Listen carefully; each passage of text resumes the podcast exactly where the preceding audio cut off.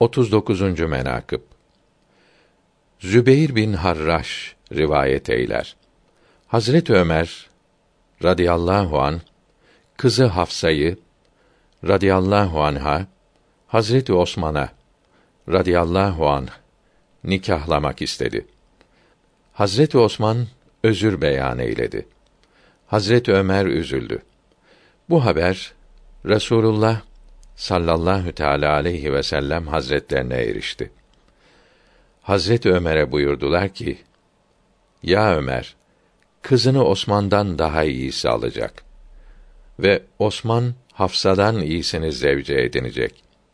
Sen kızını bana nikah et. Ben de kızımı Osman'a nikah edeyim.